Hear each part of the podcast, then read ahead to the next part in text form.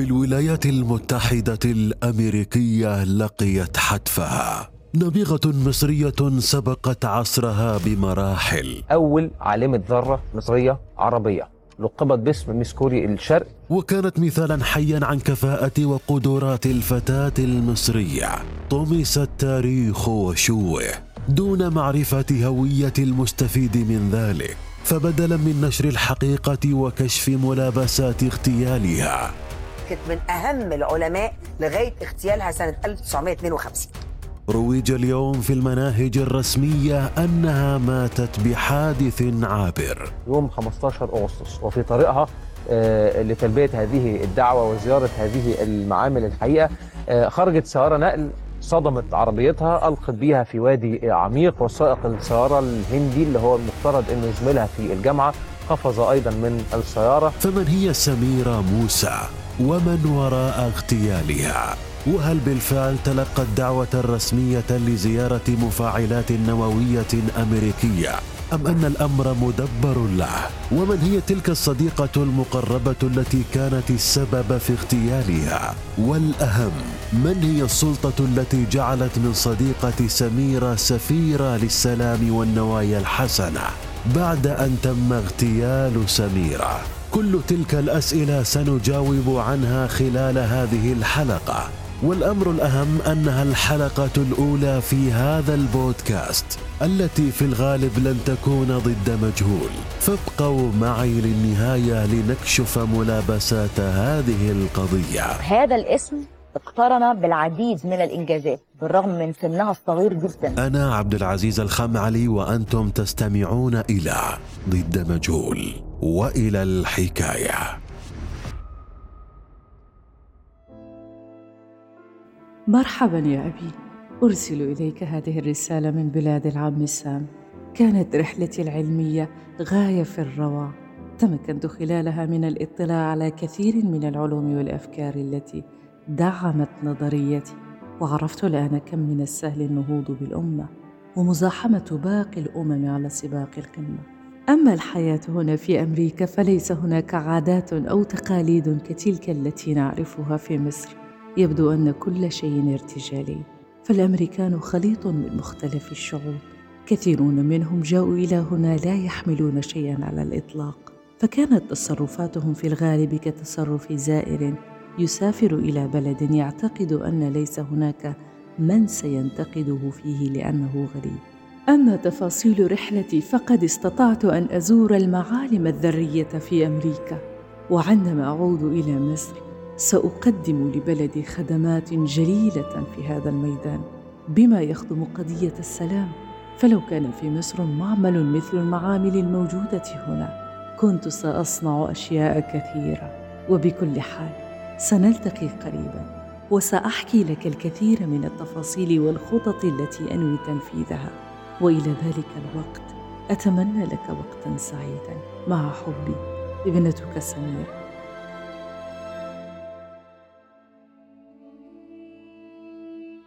في قرية سمبو الكبرى التابعة لمركز زفتا في محافظة الغربية المصرية ولدت سميرة موسى. وذلك في الثالث من آذار عام 1917 للميلاد. كان والدها موسى علي أبو سويلم أحد أعيان تلك القرية. رجل ميسور الحال يعيش في قصر كبير وسط مساحات واسعة من الأراضي الزراعية تعود ملكيتها لعائلته. وكان منزله في ذلك الوقت مركزا لكبار الشخصيات المصرية. واحتل مكانة سياسية وإعلامية مهمة. فكل الشخصيات القيادية في المنطقة كانت تجتمع في منزله. وبعد ولادة سميرة موسى التي كان ترتيبها الرابعة بين إخوتها انشغل والدها في الأمور السياسية. وجمعت بينه وبين الزعيم المصري سعد زغلول صداقة قوية. وفي عام 1927 توفي سعد زغلول فأعلن موسى أبو سويلم إقامة مجلس عزاء لمدة ثلاثة أيام في منزله لتظهر معالم الفتاة النابغة منذ ذلك اليوم. ففي ذلك الوقت كانت سميرة موسى ذات العشر سنوات تدرس في الصف الرابع الابتدائي وكانت الوحيدة من بين إخوتها القادرة على القراءة والكتابة. فطلب منها والدها قراءة نعي سعد زغلول الذي صدر في صحيفة الأهرام المصرية وذلك أمام ضيوفه. فانبهر الجميع بفصاحة لسانها وقوة كلماتها. وما إن خرج ضيوفه جاء وفد آخر من القرى المجاورة فطلب منها تكرار الأمر وقراءة النعي مرة أخرى لتكون المفاجأة بأن سميرة قد حفظت الخبر بالكامل وذلك بعد أن قرأته لمرة واحدة فقط وتلت النعي على الوفد غيبا. فقال موسى أمام الجميع ابنتي هذه نابغة بكل معنى الكلمة مرت الأيام. وقرر والد سميرة في عام 1930 للميلاد اصطحاب ابنته لتدرس المرحلة المتوسطة والثانوية وذلك في العاصمة المصرية القاهرة وذلك بعد أن حفظت ثلاثة عشر جزءا من القرآن وتخرجت من المرحلة الابتدائية وكانت الأولى على مدرستها. وفي القاهرة اشترى والدها فندقا قريبا من مدرسة الأميرة فائزة المتوسطة وسكنا فيه. أما في تلك المدرسة فالتقت العبقرية الصغيرة بالأدبية الأشهر في ذلك العصر. فقد كانت الكاتبة والأدبية المصرية نبوية موسى. مديرة المدرسة وهي أول امرأة تحمل الشهادة الثانوية في مصر. وقد ذهلت المديرة بسميرة وذلك بعد أن أخبرتها أن هناك الكثير من الأخطاء العلمية في منهج الجبر. فطلبت منها تصحيح الأخطاء والعمل على كتاب جديد. وتكفل والدها بطباعة المنهج الجديد على حسابه. ووزع في جميع أنحاء مصر. فلمع اسم سميرة ووالدها في مصر بالكامل. وفي عام 1935 للميلاد تخرجت سميرة من المدرسة وكانت الأولى على مصر. وبدل من دخول كلية الآداب أسوة بقدوتها وقدوة فتيات ذلك الجيل الكاتبة نبوية موسى. أصرت على الالتحاق في كلية العلوم بالرغم من معارضة والدها وجميع من حولها. حتى الكاتبة نبوية عارضتها بذلك إلا أن إصرار سميرة أجبر الجميع على الرضوخ لقرارها. لتلتقي هناك بأينشتاين العرب والذي كان له التأثير الأكبر في حياتها. ففي عام 1936 كان الدكتور علي مصطفى مشرف عميد كلية العلوم في جامعة القاهرة. الذي اشتهر على مستوى العالم بأبحاثه في مجال الذرة والطاقة النووية وأعجب بنباهة سميرة التي تخرجت من الجامعة بدرجة الشرف. وذلك بعد أن كانت الأولى على الكلية خلال سنواتها الأربعة. فاقترح عليها أن تعين في الكلية كمدرسة إلا أنها رفضت وأخبرته عن رغبتها بإكمال دراستها خارج مصر. وذلك في عام 1940 للميلاد. وفي ذلك العام درست الماجستير في التواصل الحراري والأشعة السينية والطاقة وحصلت عليها. لتسافر من بعدها في بعثة لمدة ثلاث سنوات إلى المملكة البريطانية لدراسة الذرة والطاقة النووية. وتمكنت من الحصول على درجة الدكتوراه خلال عام وخمسة شهور فقط بدلا من ثلاث سنوات لتكمل المدة اللازمة هناك في مختبرات ومعامل الذرة وترفض جميع العروض التي قدمت لها. وتعود إلى مصر مجددا بهدف استكمال ما بدأت به.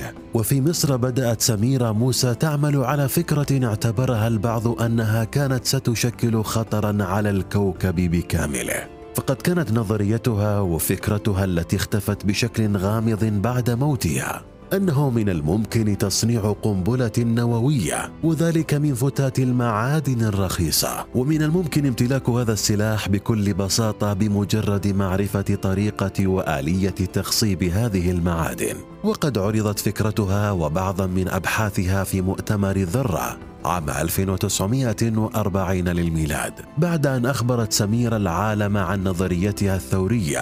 جمعتها صداقة بمحض الصدفة مع الممثلة المصرية راقي إبراهيم. تعرف ان أنا ما قريتش من كل رواياتك إلا رواية واحدة بس؟ يعني أنا لو كتبت مسلسل فبلا شك هكتب انه إنه راقيه هي اللي سعت بدهاء بعقلية الجاسوس إنها تعقد صداقة مع آه، سميرة موسى اللي هي عقلها آه، آه، بيور اللي هي لم تتلوث ليس لديها أغراض خبيثة كما لرأي إبراهيم.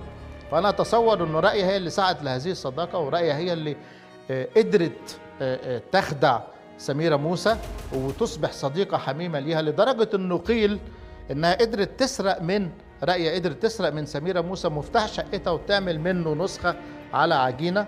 وتعطيها للمساعد اللي راح فتش شقة سميرة موسى وقت ما كانت ر- راقية عزمها على العشاء في مكان بعيد. والشقة كانت فاضية فراحت الموساد دخلت الشقة وصورت كل أبحاث سميرة موسى. ومن هنا آه، آه، اكتشفوا أهمية هذه الأبحاث التي قد تضع مصر على خطوات على قرب خطوات من صنع آه، الذرية. كانت راقية قريبة جدا من سميرة فقد فرضت نفسها على سميرة عنوة بكل معنى الكلمة فكانت تتواصل معها في اليوم الواحد عدة مرات وتحكي لها عن جميع التفاصيل التي واجهتها لتسألها من بعدها عن أحوالها وهل من جديد في حياتها. دون أن تدرك سميرة أن راقية تخطط لما هو أبعد من ذلك. لتكون المبادرة المفاجئة عام 1951 للميلاد والتي غيرت كل شيء بالنسبة لسميرة.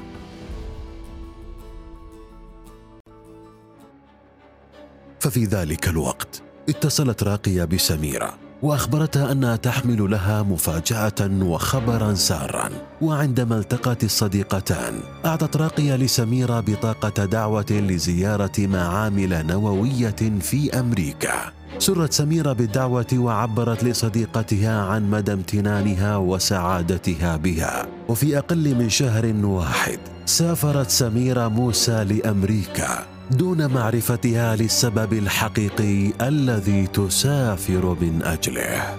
بعد سفر سميرة بعدة أيام تبعتها راقية إلى أمريكا بعد ادعائها بأنها قد أصيبت بالتهاب في الكلى وسافرت لتلقي العلاج في كاليفورنيا. وعلى مدار شهر كامل تنقلت سميرة بين العديد من المعامل والمصانع النووية وأرسلت لوالدها الرسالة الأشهر والتي عبرت فيها عن مشاعرها ورأيها بالولايات المتحدة إلا أن العبارة التي ما زالت لغزا غامضا حتى هذه اللحظة هي الأفكار والخطط التي كانت تريد تنفيذها ما إن تعود لمصر. وبعد إرسالها للرسالة بيومين فقط التقت سميرة براقية وقضت الصديقتان عدة أيام سوية. بعد أن التقت راقية بسميرة حاولت بشتى الوسائل أن تقنعها بالبقاء في الولايات المتحدة الأمريكية وأنها من خلال علاقاتها ستساعدها في الحصول على الجنسية الأمريكية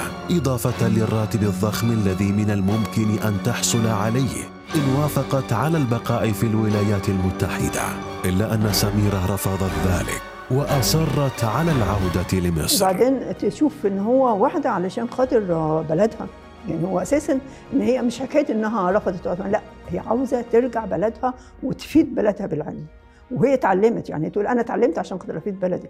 لما يوديك الإحساس ده إن أنت بتضحي بنفسك علشان خاطر إن أنت عشان خاطر بلدك عشان تفيد بلدك بالعلم طبعا تبقى ملهمة جدا. لتكون نهاية القصة بعد أيام قليلة فقط. ففي الرابع من آب عام 1952 للميلاد التقت راقية بسميرة وقد حملت بيدها بطاقة دعوة لزيارة مفاعلات نووية وذلك في ضواحي كاليفورنيا.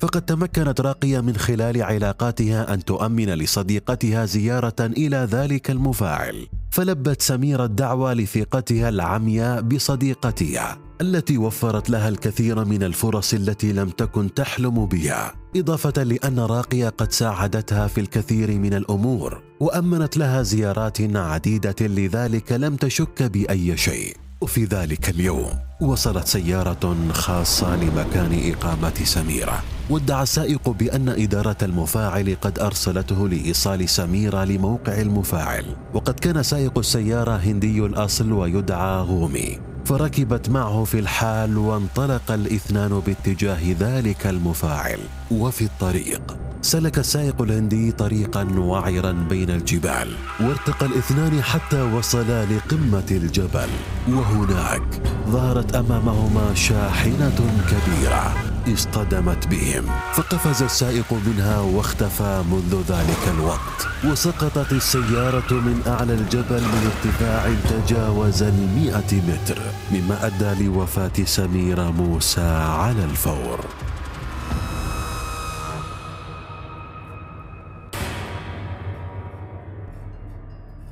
في اليوم التالي تمكنت الشرطة الأمريكية من انتشال حطام سيارة سميرة. وبدأت القصة من بعدها تتكشف شيئا فشيئا. فبعد تفتيش أوراق وملفات سميرة تبين بأنها قد تلقت دعوة لزيارة مفاعل نووي في ضواحي كاليفورنيا. لكن المفاجأة عدم وجود أي مفاعل في تلك المنطقة. فتم استدعاء راقية التي أخفت عن المحققين أنها من قدمت الدعوة لسميرة ليتبين أيضا بأن اسم السائق لم يكن حقيقيا. وقبل ارتطام السيارة قفز منها وتمكن من الهرب وحتى يومنا هذا لم يعرف له أثر ولم يتمكن أي أحد من معرفة هويته أو اسمه الحقيقي. وبالرغم من وضوح الأمر إلا أن راقية إبراهيم لم توجه لها أي اتهامات فقد كانت التحقيقات امرا شكلي وأقفل المحضر بعد أيام قليلة على أنه حادث غير مقصود. فعادت راقية إبراهيم لمصر وبعد عام واحد فقط اعتزلت الفن وعادت إلى الولايات المتحدة الأمريكية مرة أخرى. وهناك غيرت اسمها من راقية إبراهيم إلى راشيل إبراهام ليفي وتزوجت من رجل الأعمال اليهودي المشهور ديفيد توماس. وفي مصر وبعد وضوح القضية اكتفت السلطات والصحف المصرية بإذاعة الخبر وأعلنت عن وفاتها دون شرح أي تفاصيل ودون المطالبة بإجراء تحر دقيق يكشف تفاصيل مقتلها أو الجهه الضالعة بذلك. ليزداد أمر الشارع المصري سوءا وذلك بعد أن عينت إسرائيل راشيل إبراهام ليفي كسفيرة للنوايا الحسنة في الولايات المتحدة. فثار الشارع المصري وطالب بفتح تحقيق يكشف الحقيقة إلا أن جميع تلك المطالبات قوبلت بالرفض. واليوم وبعد أكثر من خمسين عاما على اغتيالها تم تغيير المناهج الدراسية المصرية. وبدلا من سرد تفاصيل موتها واغتيالها والجهة التي كانت وراء هذا الاغتيال ذكرت المناهج بأنها قد تعرضت لحادث عابر فقدت حياتها على إثره. ليكون السؤال المهم ما سبب إخفاء هذه الحقيقة عن أبناء هذا الجيل؟ وما هي الخطط التي كانت تشغل فكر سميرة؟ ولما اختفت بشكل كامل بعد وفاتها؟ والأهم من ذلك لو أن نظريتها قد رأت النور بالفعل فهل من الممكن أن تكون سببا في دمار الكوكب أم سببا في ازدهاره وبالرغم من أن الجواب واضح كوضوح الشمس فشاركوني رأيكم في التعليقات عبر منصة البودكاست أو عبر حسابنا في تويتر. فهل هذه الجريمة مجرد حادث وضد مجهول أم أن الأمر مدبر له؟ وهل كانت شعلة السلام ستنير بيد سميرة؟ أم ستحرق الكوكب وحتى الحلقة القادمة؟ كونوا حذرين.